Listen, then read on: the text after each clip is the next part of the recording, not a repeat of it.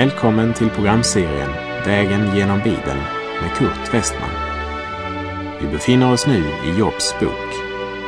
Slå gärna upp din bibel och följ med. Programmet är producerat av Norea Radio Sverige.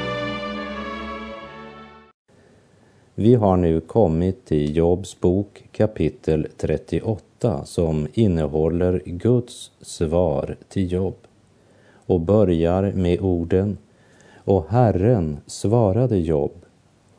Jag avslutade förra programmet med att citera Efesebrevet 3, vers 20 och 21. Han som förmår göra långt mer än allt vi ber om eller tänker genom den kraft som mäktigt verkar i oss. Honom tillhör äran i församlingen och i Kristus Jesus genom alla släktled i evigheternas evighet. Amen. Och jag påminde om att vi inte må begränsa Gud när våra prövningar är så svåra att hopplösheten hotar att krossa oss, utan att vi väljer att bedja istället för att ge upp.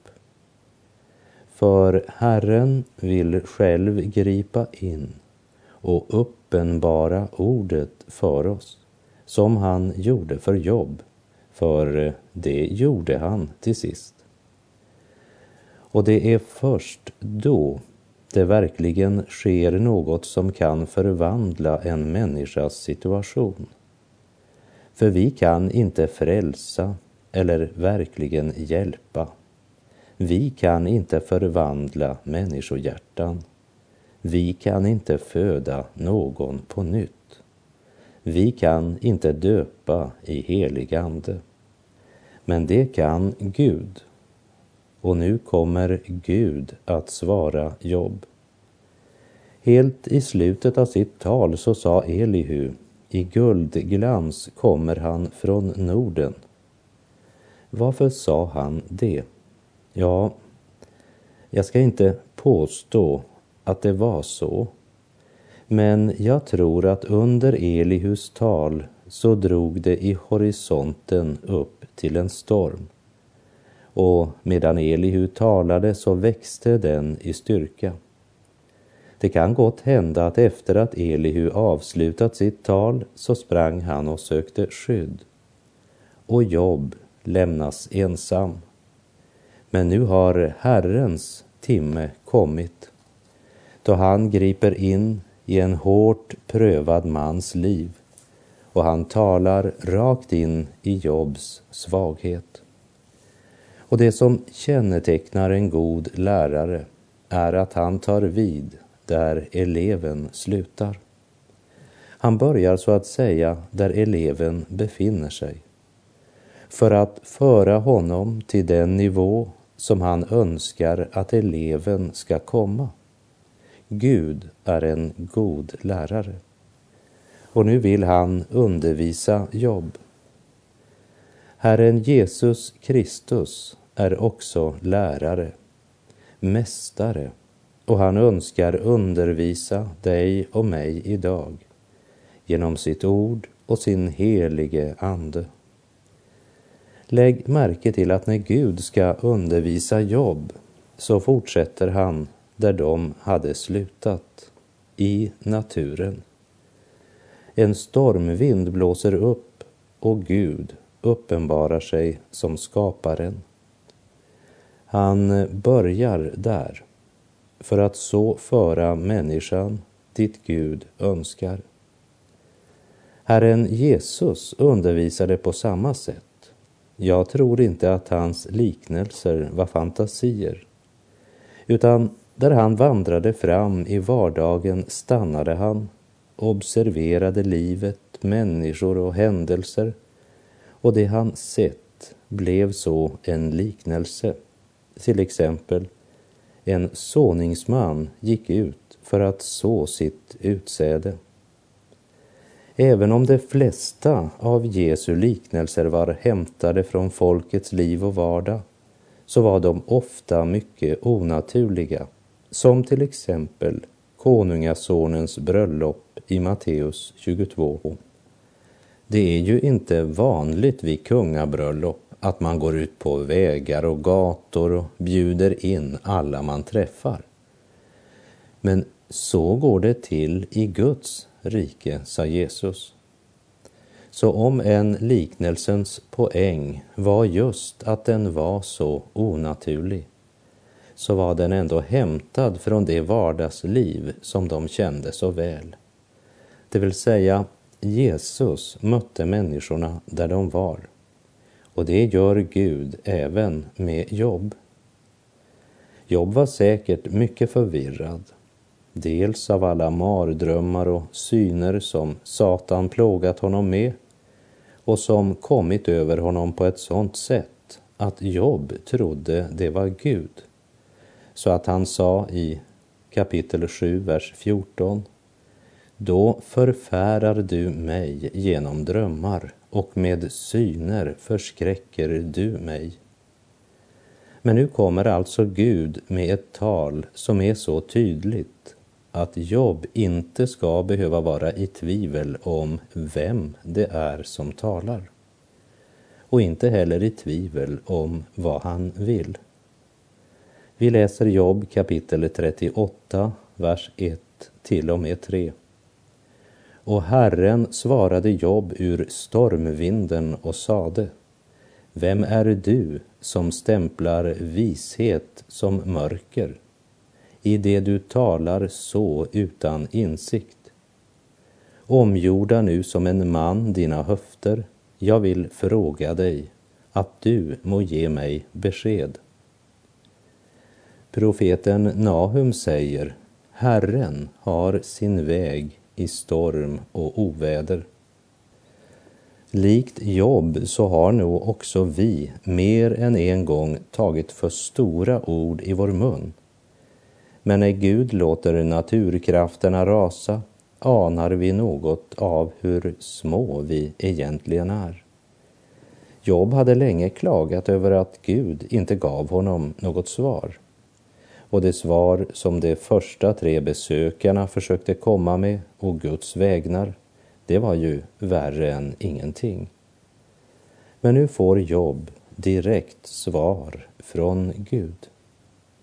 Och Gud börjar där det andra slutade, i skapelsen.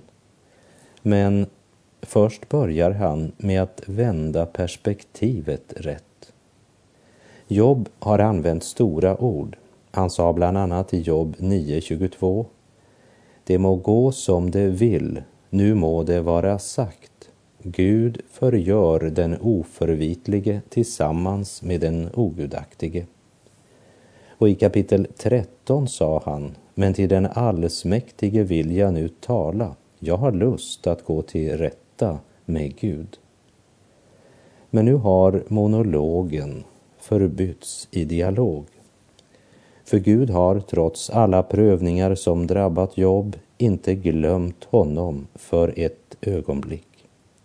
Och nu talar Gud för att visa sin tjänare vad som var fel i det som Jobb sagt om Gud. Men också för att uppenbara sanningen. Och därför säger Gud rakt ut till Jobb, Vem är du som stämplar vishet som mörker i det du talar så utan insikt? Är det verkligen den rättfärdige Jobb som har farit så vilse att han gör vishet till mörker? Förr talade du ju inte på det sättet. Det är som om Gud var överraskad över att Jobb har sagt det han har sagt.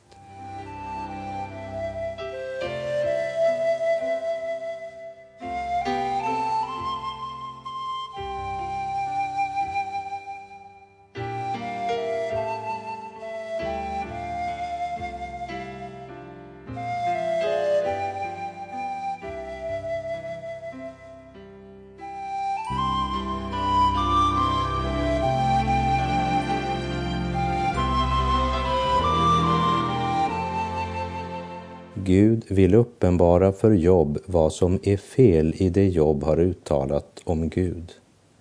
Nu är det jag som frågar, säger Gud. Och nu är det du som ska svara. Vers 4. Var var du när jag lade jordens grund? Säg det, om du har ett så stort förstånd. Jobb är inte den första som Gud har varit tvungen att korrigera. Herren säger i profeten Jesaja kapitel 55, vers 8 och 9. Se, mina tankar är inte era tankar och era vägar är inte mina vägar, säger Herren.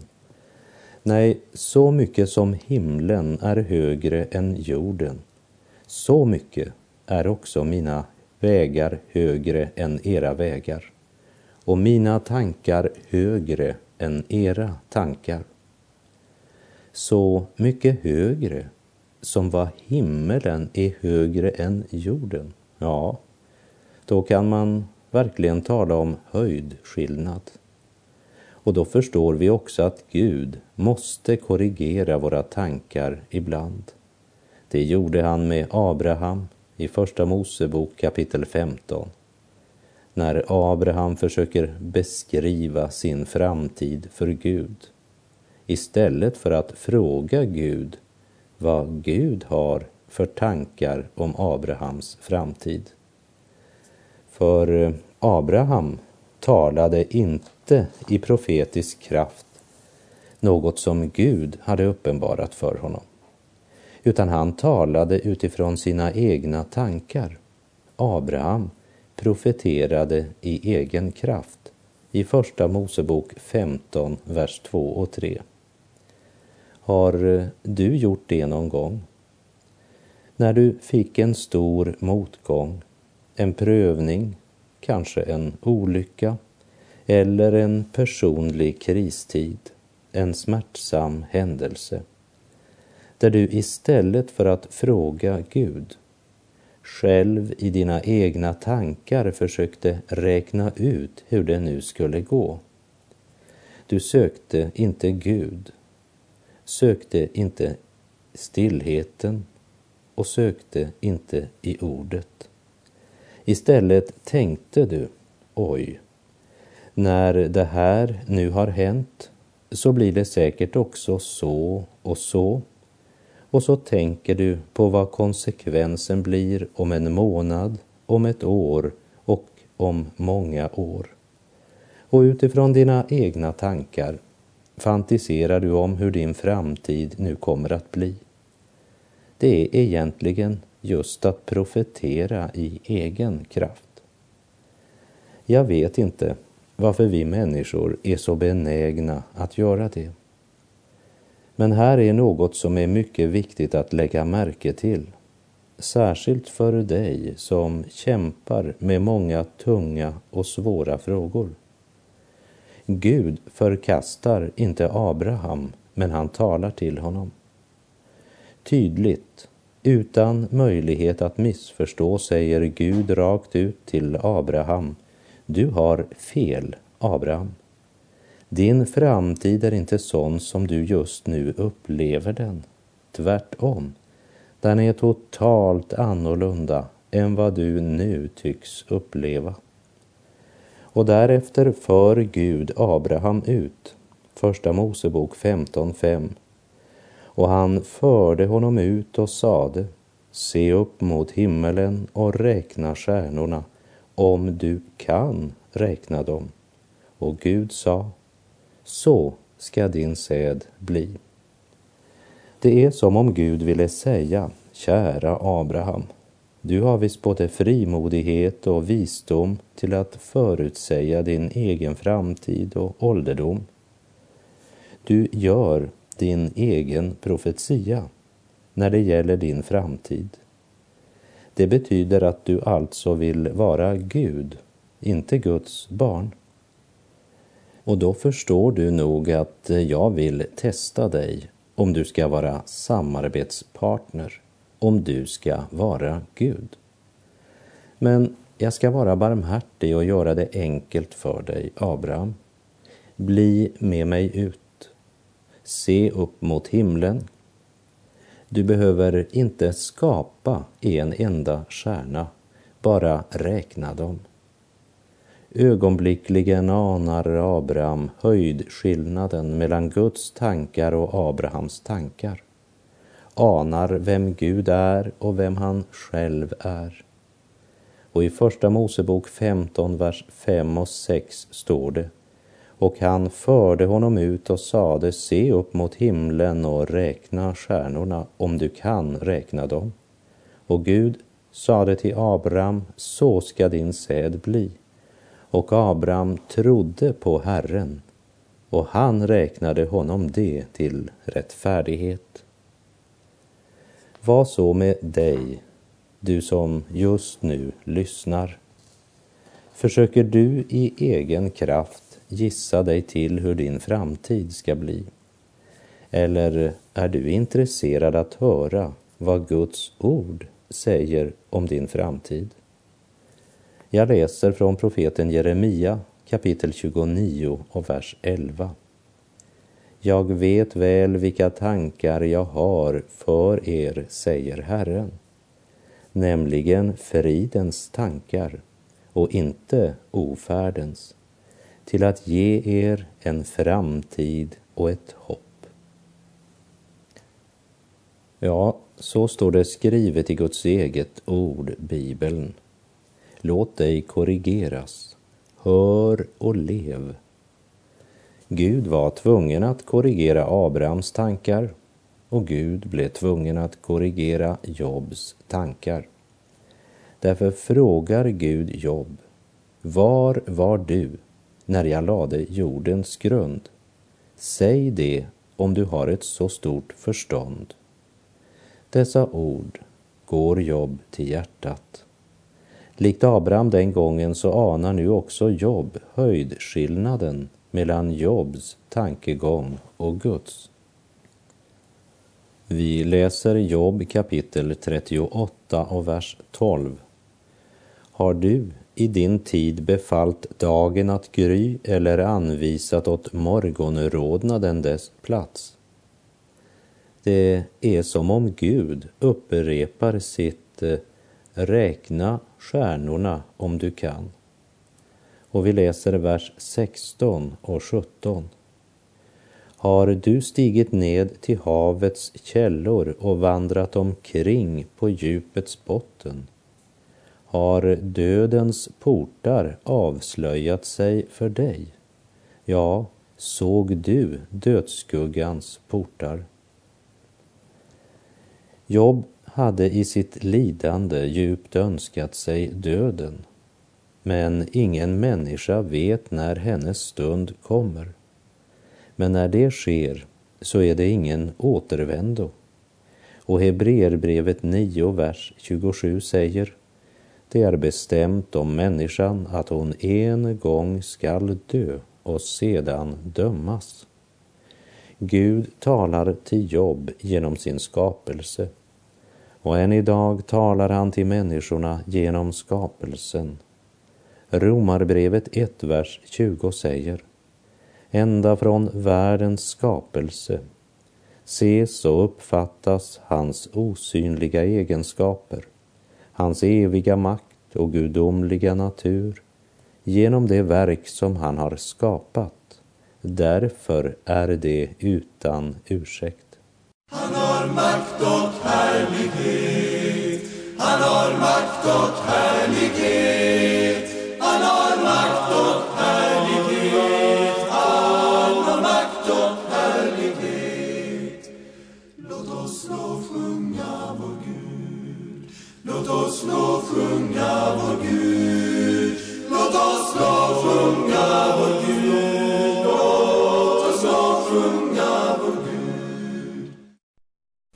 hade sett sitt lidande från sin egen trånga synvinkel.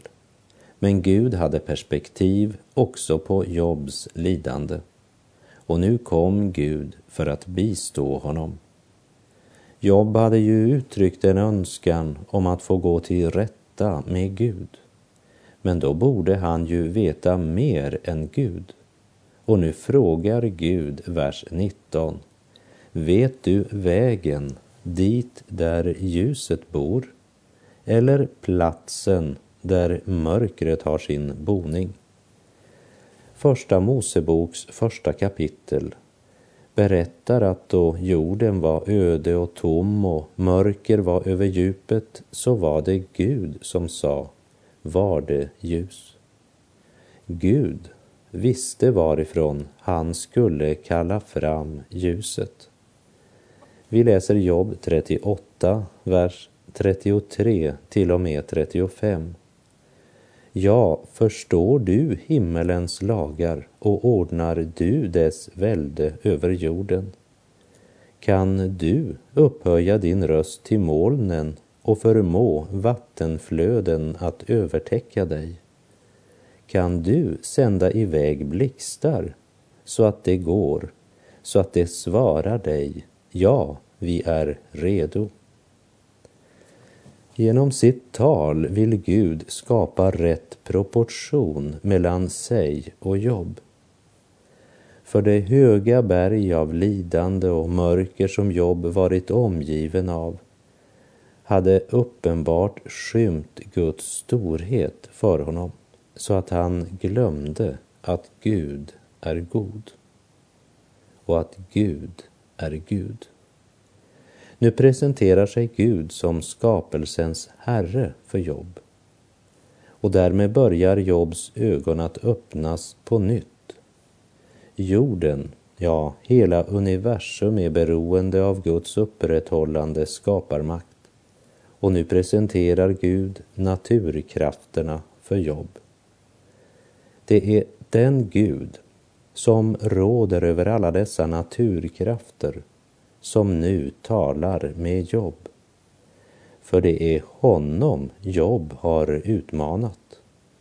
Och inför Guds suveränitet och höghet får Jobs liv sin rätta proportion.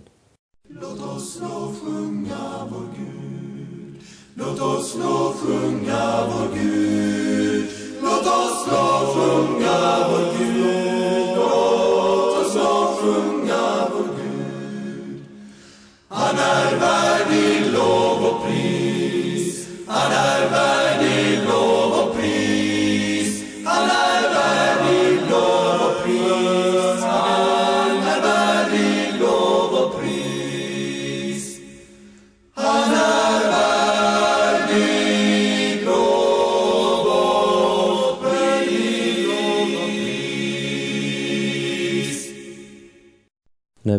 kommer till kapitel 39 så drar Gud på ett underbart sätt uppmärksamheten inte bara till sin makt men också till sin väldiga omsorg och trofasthet. Gud är inte bara skaparen, men han är den som vårdar och som upprätthåller sin skapelse. Och eftersom Job tvivlat på Guds sätt att sköta sitt skaparverk så möter Gud nu Job med dessa frågor. Och alla frågor och bilder ifrån naturens stora bok har en speciell hänsyftning till Job och hans personliga problem. Vi läser Job 39, vers 1 till och med 3. Är det du som jagar upp rov åt lejoninnan och stillar de unga lejonens hunger när de trycker sig ned i sina kulor eller ligger på lur i snåret? Vem är det som skaffar mat åt korpen när hans ungar ropar till Gud, där de svävar omkring utan föda? Ja, det finns ju fåglar som sjunger vackrare än korpens ungar. Tänk att Gud valde att tala om korpens ungar. Vi kunde ha förstått om han talat om näktergalen eller lärkans drill. Det hade ju varit naturligt om deras vackra sång hade bevekat Gud så att han skaffat dem föda. Knappast någon gläder sig åt att höra korpungens skrik. Men Gud säger att deras rop är ett legitimt rop till Gud. De skriker därför att de är utan föda. Och Gud, upprätthållaren, reagerar inför korpungens rop. Men om Gud gör det, skulle han då inte höra Jobb när han i sin förtvivlan och nöd ropar? Skulle ett lidande människobarn ropa till Gud utan att han hör? Nej, Jesus säger att vi är mer värda än många sparvar. I Matteus 10.31 står det, var alltså inte rädda. Ni är mer värda än många sparvar. Hur stapplande och svag, hur enkel din bön än är, hur illa du än tycker att den låter, du kan vara viss om att den når fram. Den Gud som har tid att lyssna till korpungens skrik, skulle han inte höra dig när du ber? I Lukas 18 står det att Jesus gav lärjungarna en liknelse för att lära dem att alltid be och inte ge upp. Det vill säga, när nöden är stor och situationen desperat så har vi två alternativ. Antingen att ge upp eller också att bedja. Jag skulle ej sörja, jag har ju en vän som bär på sitt hjärta min nöd. Han går vid min sida, han vakar alltjämt. Han tröttnar ej han så som jag. Jag fruktar ej mera för avgrundens makt, mitt fäste är Israels Gud. Han skall mig bevara, för så har han sagt. Han kan inte glömma sin brud. Och med det så är vår tid ute för den här gången. Jag säger på återhörande om du vill. Herren vare med dig. Må hans välsignelse vila över dig. Skulle inte den Gud som lyssnar till korpungens skrik höra dig när du ropar? Gud är god.